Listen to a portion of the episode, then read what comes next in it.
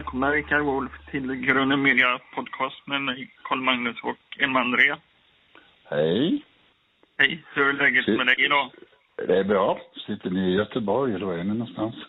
Vi sitter i Göteborg på Grunden Media. Ja, okej.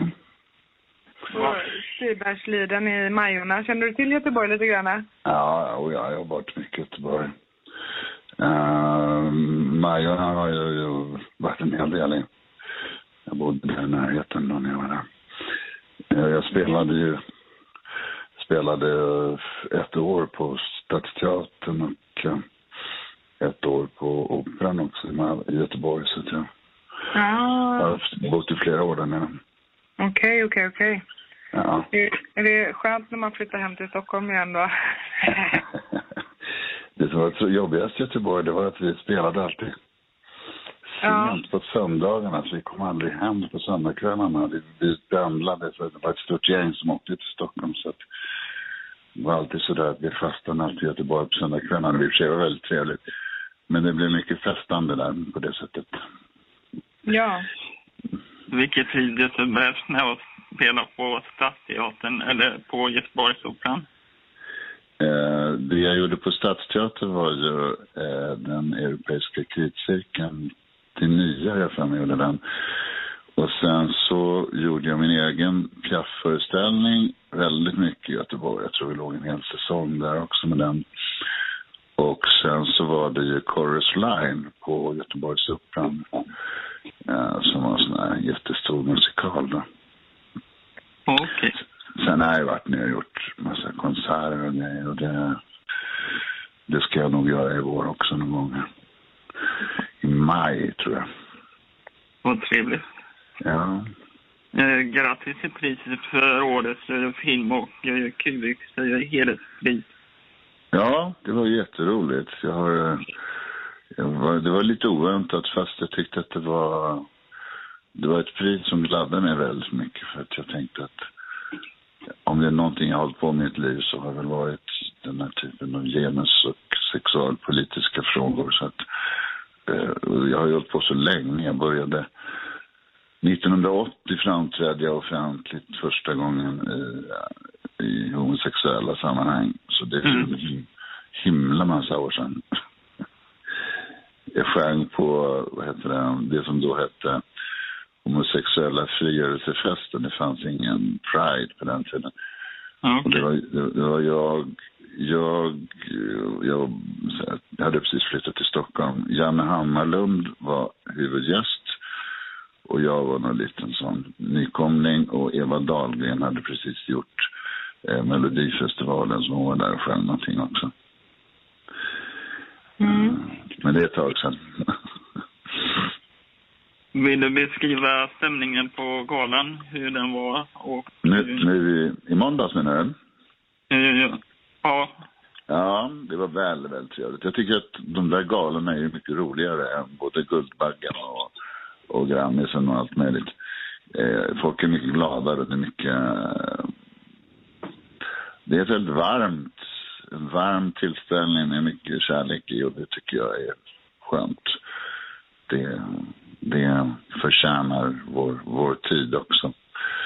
Mm. Man Mm. tri, trivs med att vara på fest, det fina uppträdande, det är varma och kärleksfulla tal. Och det. Sen är det ju någonting känslomässigt som ligger över det. Att vi har en gång i tiden kommit ifrån, äh, nästan utan undan, andra undantag, så kommer ju människor från miljöer, från bakgrunder där man har fått kämpa sig till sin identitet eller sin, sin möjlighet att skapa ett liv. Och då är det ju väldigt, det blir väldigt känslomässigt helt enkelt.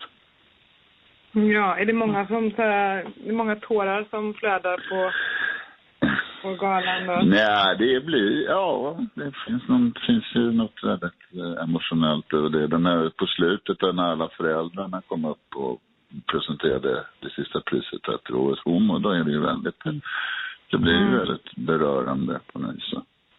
Ja. En sorts erfarenhet i våra liv. Mm. Eh, hur ser en vanlig dag ut för dig? Har du speciella rutiner som du har, lever efter? jag har rutiner, jag har framförallt rutiner de dagar jag spelar.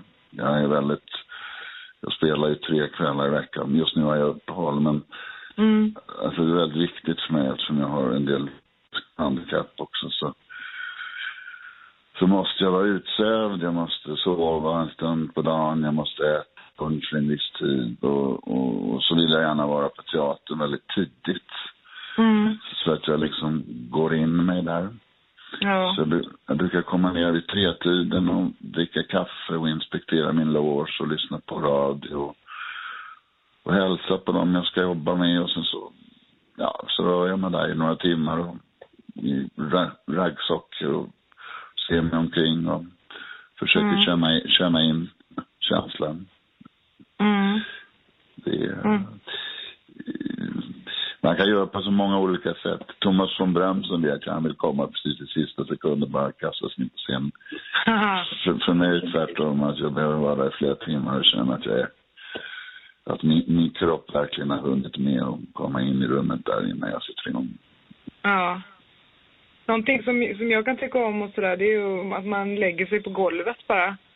Eh, Ja, just det, det är skönt. och- Ja, och bara ligger och Ja, det, det är väl jättetrevligt. energierna. Ja. Hur kommer det sig att du började med teater och film? Jag var en ganska olycklig tonåring kan man säga.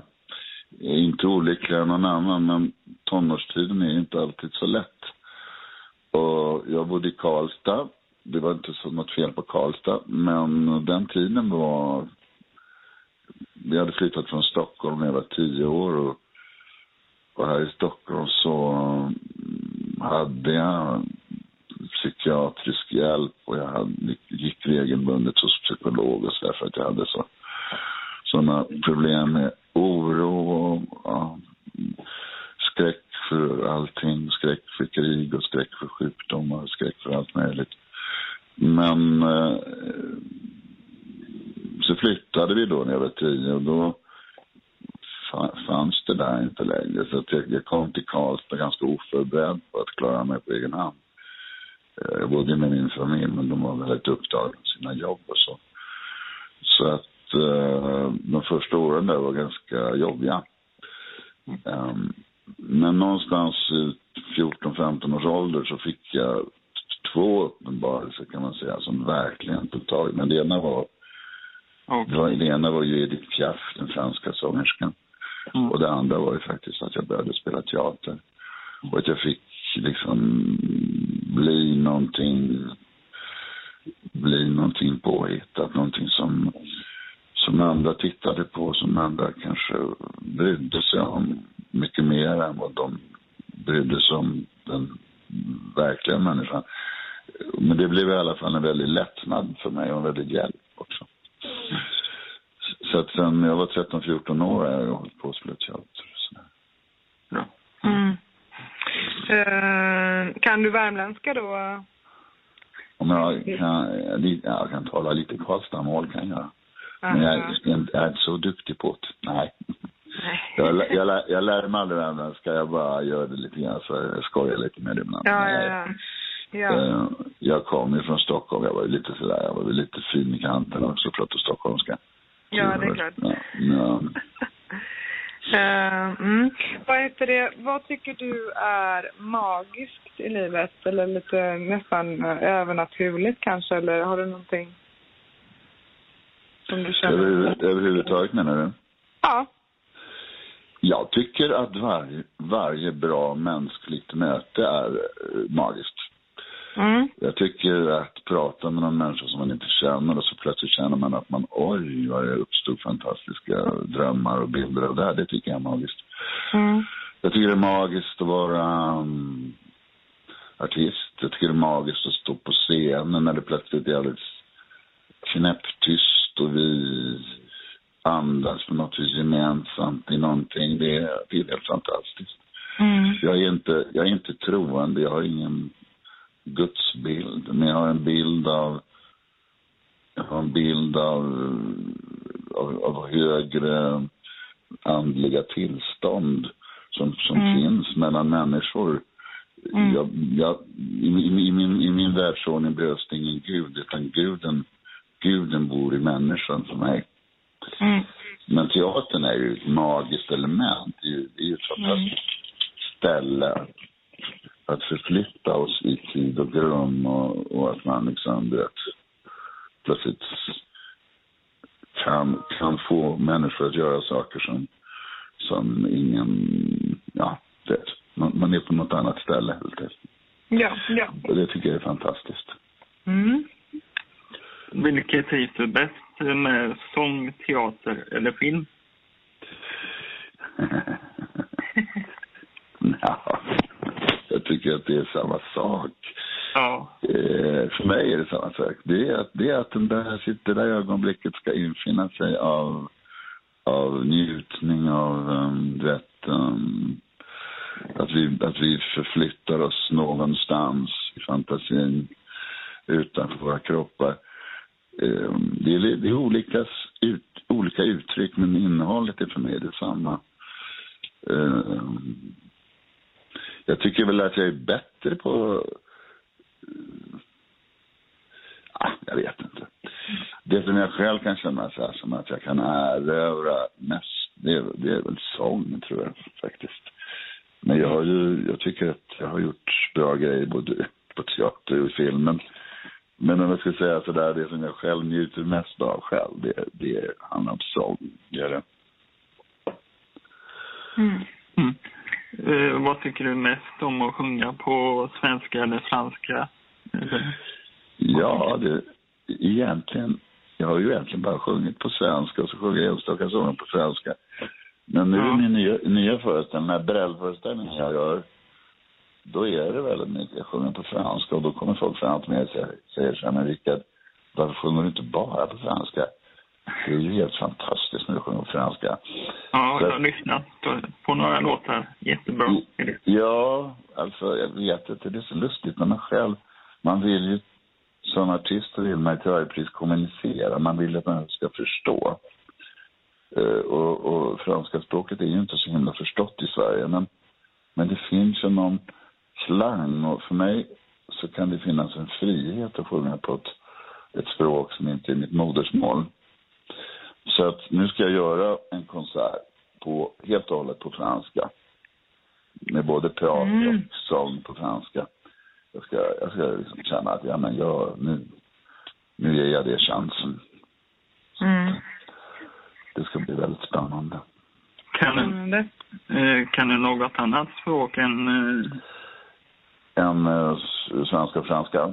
Ja. ja jag, ja, jag funkar ju bra på engelska och jag har väl sjungit lite på tyska också. Vad sa du, på tyska? Ja, jag har gjort lite på tyska också. Mm. Eh, därför att jag gillar... Alltså, språk har ju en speciell... Varje, varje språk har ju en speciell karaktär som, som färgar uttrycket. Man kan liksom ja. inte översätta en låt från ett språk till annat, för det, det, det är två skilda saker. Ja. Och jag kommer från en tyskspråkig familj eh, från början. Min farmor var tyska. Mm. Eh, så att egentligen har jag ju, jag har älskat det tyska språket. Men, ja. men, men det tyska språket försvann liksom ur de judiska familjerna efter andra världskriget. Så att det mm. har jag ju fått hämta upp på egen hand. Ja. Mm.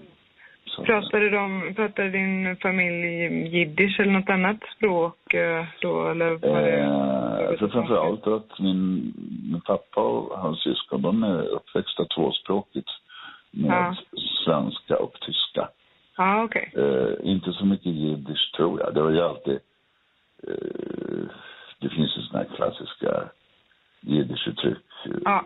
som, som dyker upp i både mm. ja, i, tys i tyskan och i hebreiskan. Men eh, det var nog tyska mer än jiddisch faktiskt.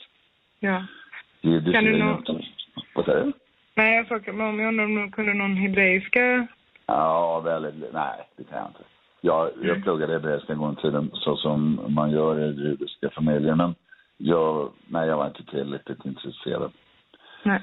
Vi fick en, det här var när jag var tio år gammal och då hade min pappa fått en färg-tv för att farsan jobbade på Televerket. Och eh, då så hade jag att välja att gå på min eh, religionsundervisning och hebreiska. Eller Mm. stanna hemma och titta på OS-invigningen i färg på tv och då stannade jag hemma. Så att Ja. det satt, det var, så, satt inte så djupt det där. Nej, precis. Det lätt val. Eh, jag undrar lite om eh, Paris och sådär. Du, eh, har du någon, eh, något kaff- fa- favoritcafé eller restaurang eller stadsdel och sådär? Ja, alltså vi bor ju, eller jag bor nästan alltid i Marais som är Mm. den gamla delen som ligger väldigt centralt. Ja. Eh, närheten av Notre Dame och närheten av Rue de Rivoli. Mm. Man, kom, man kommer promenadvägen från Marais Mm. typ till Bastiljen, till Republik och allt så. Det var ju Marais, det var ju Marais som de här attentaten i första hand Ja. riktades också. Därför Marais är liksom själva utgångspunkten för en det mångkulturella Paris, det här, eh, det Paris som alla europeiska storstäder vill mötas. Det är det typ av områden. Men- Och det är Ja. klart att det är så att säga, eh, vad ska man kalla det för? Ja, om man nu avskyr mänskliga möten och, eh, och att människor möts över gränser så är det klart att man avskyr Paris. Och Ja. Eh, Jag, älsk, jag älskar det å andra sidan. Så det, för mig har det varit min livsluft sedan jag var 15 år att jag åker till Paris jättemycket. Ja. Mm.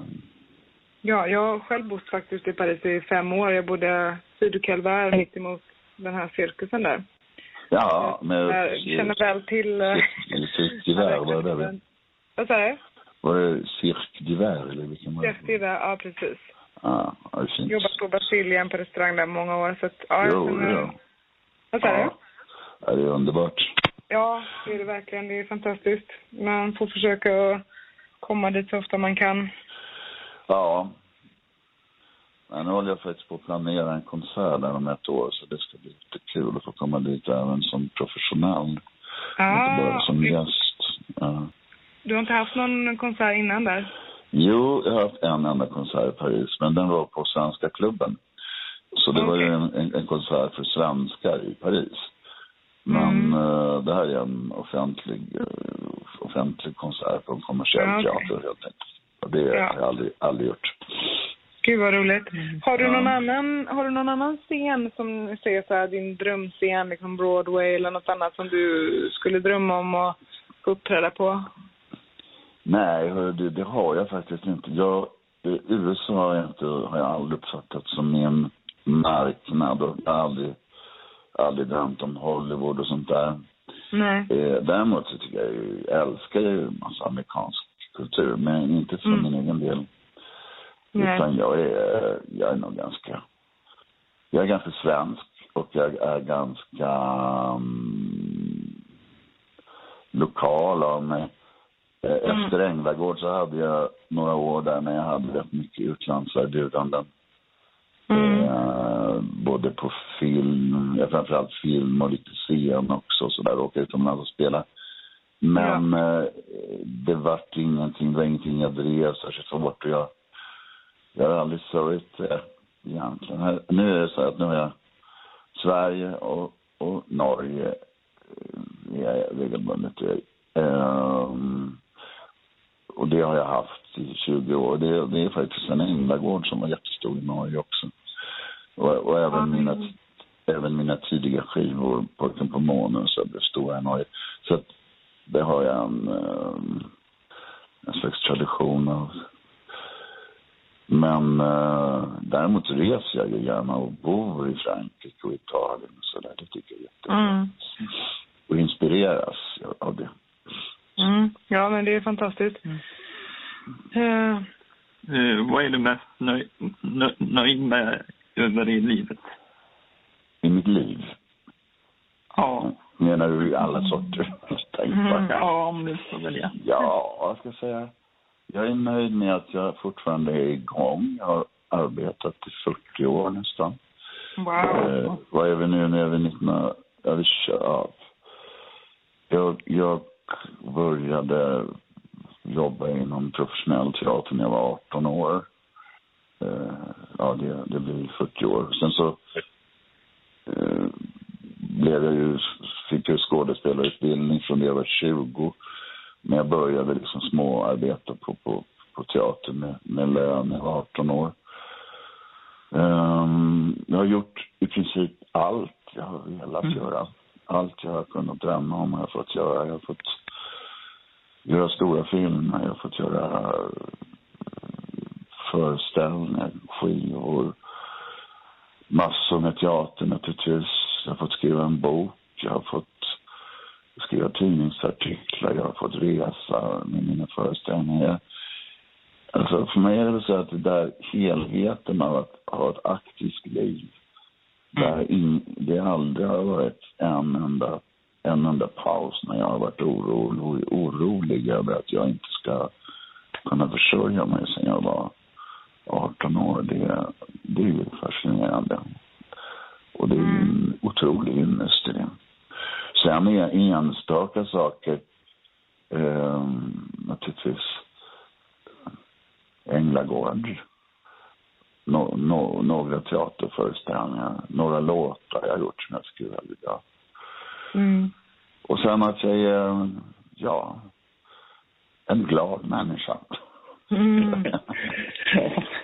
ja. Det, det är jag glad för. Mm. En glad människa med en glad dotter. Så. Ja. Hur gammal är hon nu? Med tio år. Tio år. Mm. Häftigt. Mm.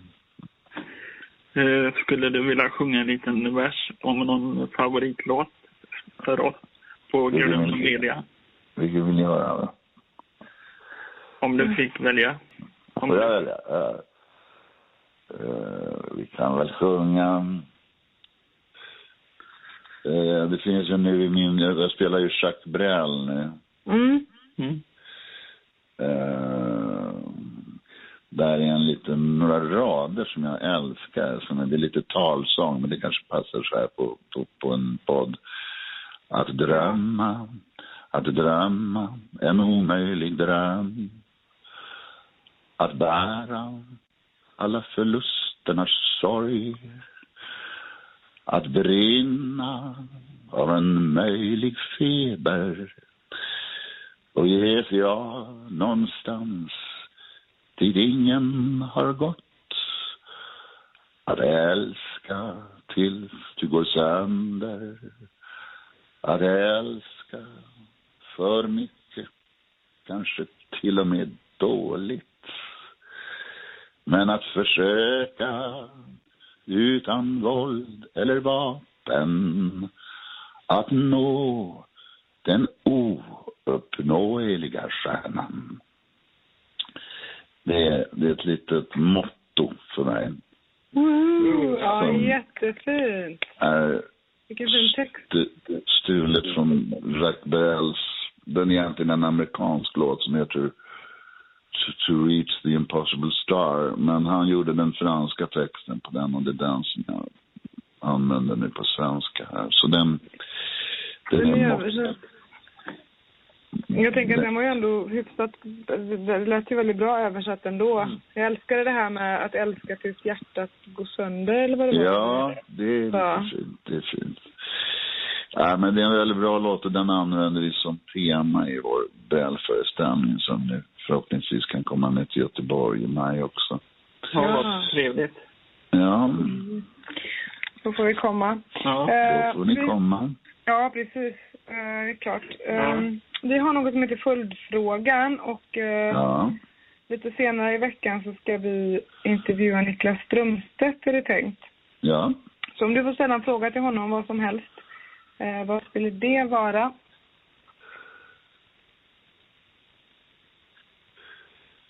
Ja, jag träffade Niklas häromdagen, sen måste jag tänka på vad jag ska fråga nu. vad heter han? Som person? Sa du? Niklas? Ja. Han är jättetrevlig. Niklas Aha. är jättetrevlig. Ja, vad trevligt. Jag ska hälsa Niklas och säga så här, du är så trevlig. Mm. Är du alltid så trevlig? Det tycker ja. jag du ska fråga Niklas. Det jag. Det blir jättebra. Ja, gör det. Superfint. Mm. Sen har vi något som heter fem snabba frågor. Okej. Och eh, första är Stockholm eller Paris? Oj. ja, jag måste väl ändå säga Stockholm då, för det är min hemstad. Men, men Paris är ju snubblande nära. Mm. Eh, Freddy Wadling eller Ted Gärdestad? Oj, var svårt. Ja, nu såg jag just ett program om Ted och blev så berörd av det, så nu sa jag Ted. Mm. Roman, romaner eller poesi? Romaner, Kött eller vegetariskt? kött, Dramaten eller Kulturhuset? Samvetsfråga. Mm. Kulturhuset, Stadsteatern. Ja, Ja. kör på det. Ja. Vi får tacka så jättemycket för intervjun, Rickard. Ja. Tack Mm. själva. Tack, tusen tack och ha en jättefin dag. Ha en fortsatt bra dag ni också. Mm. Ja. Okej. Då. Gott. Hej, hej. Hej.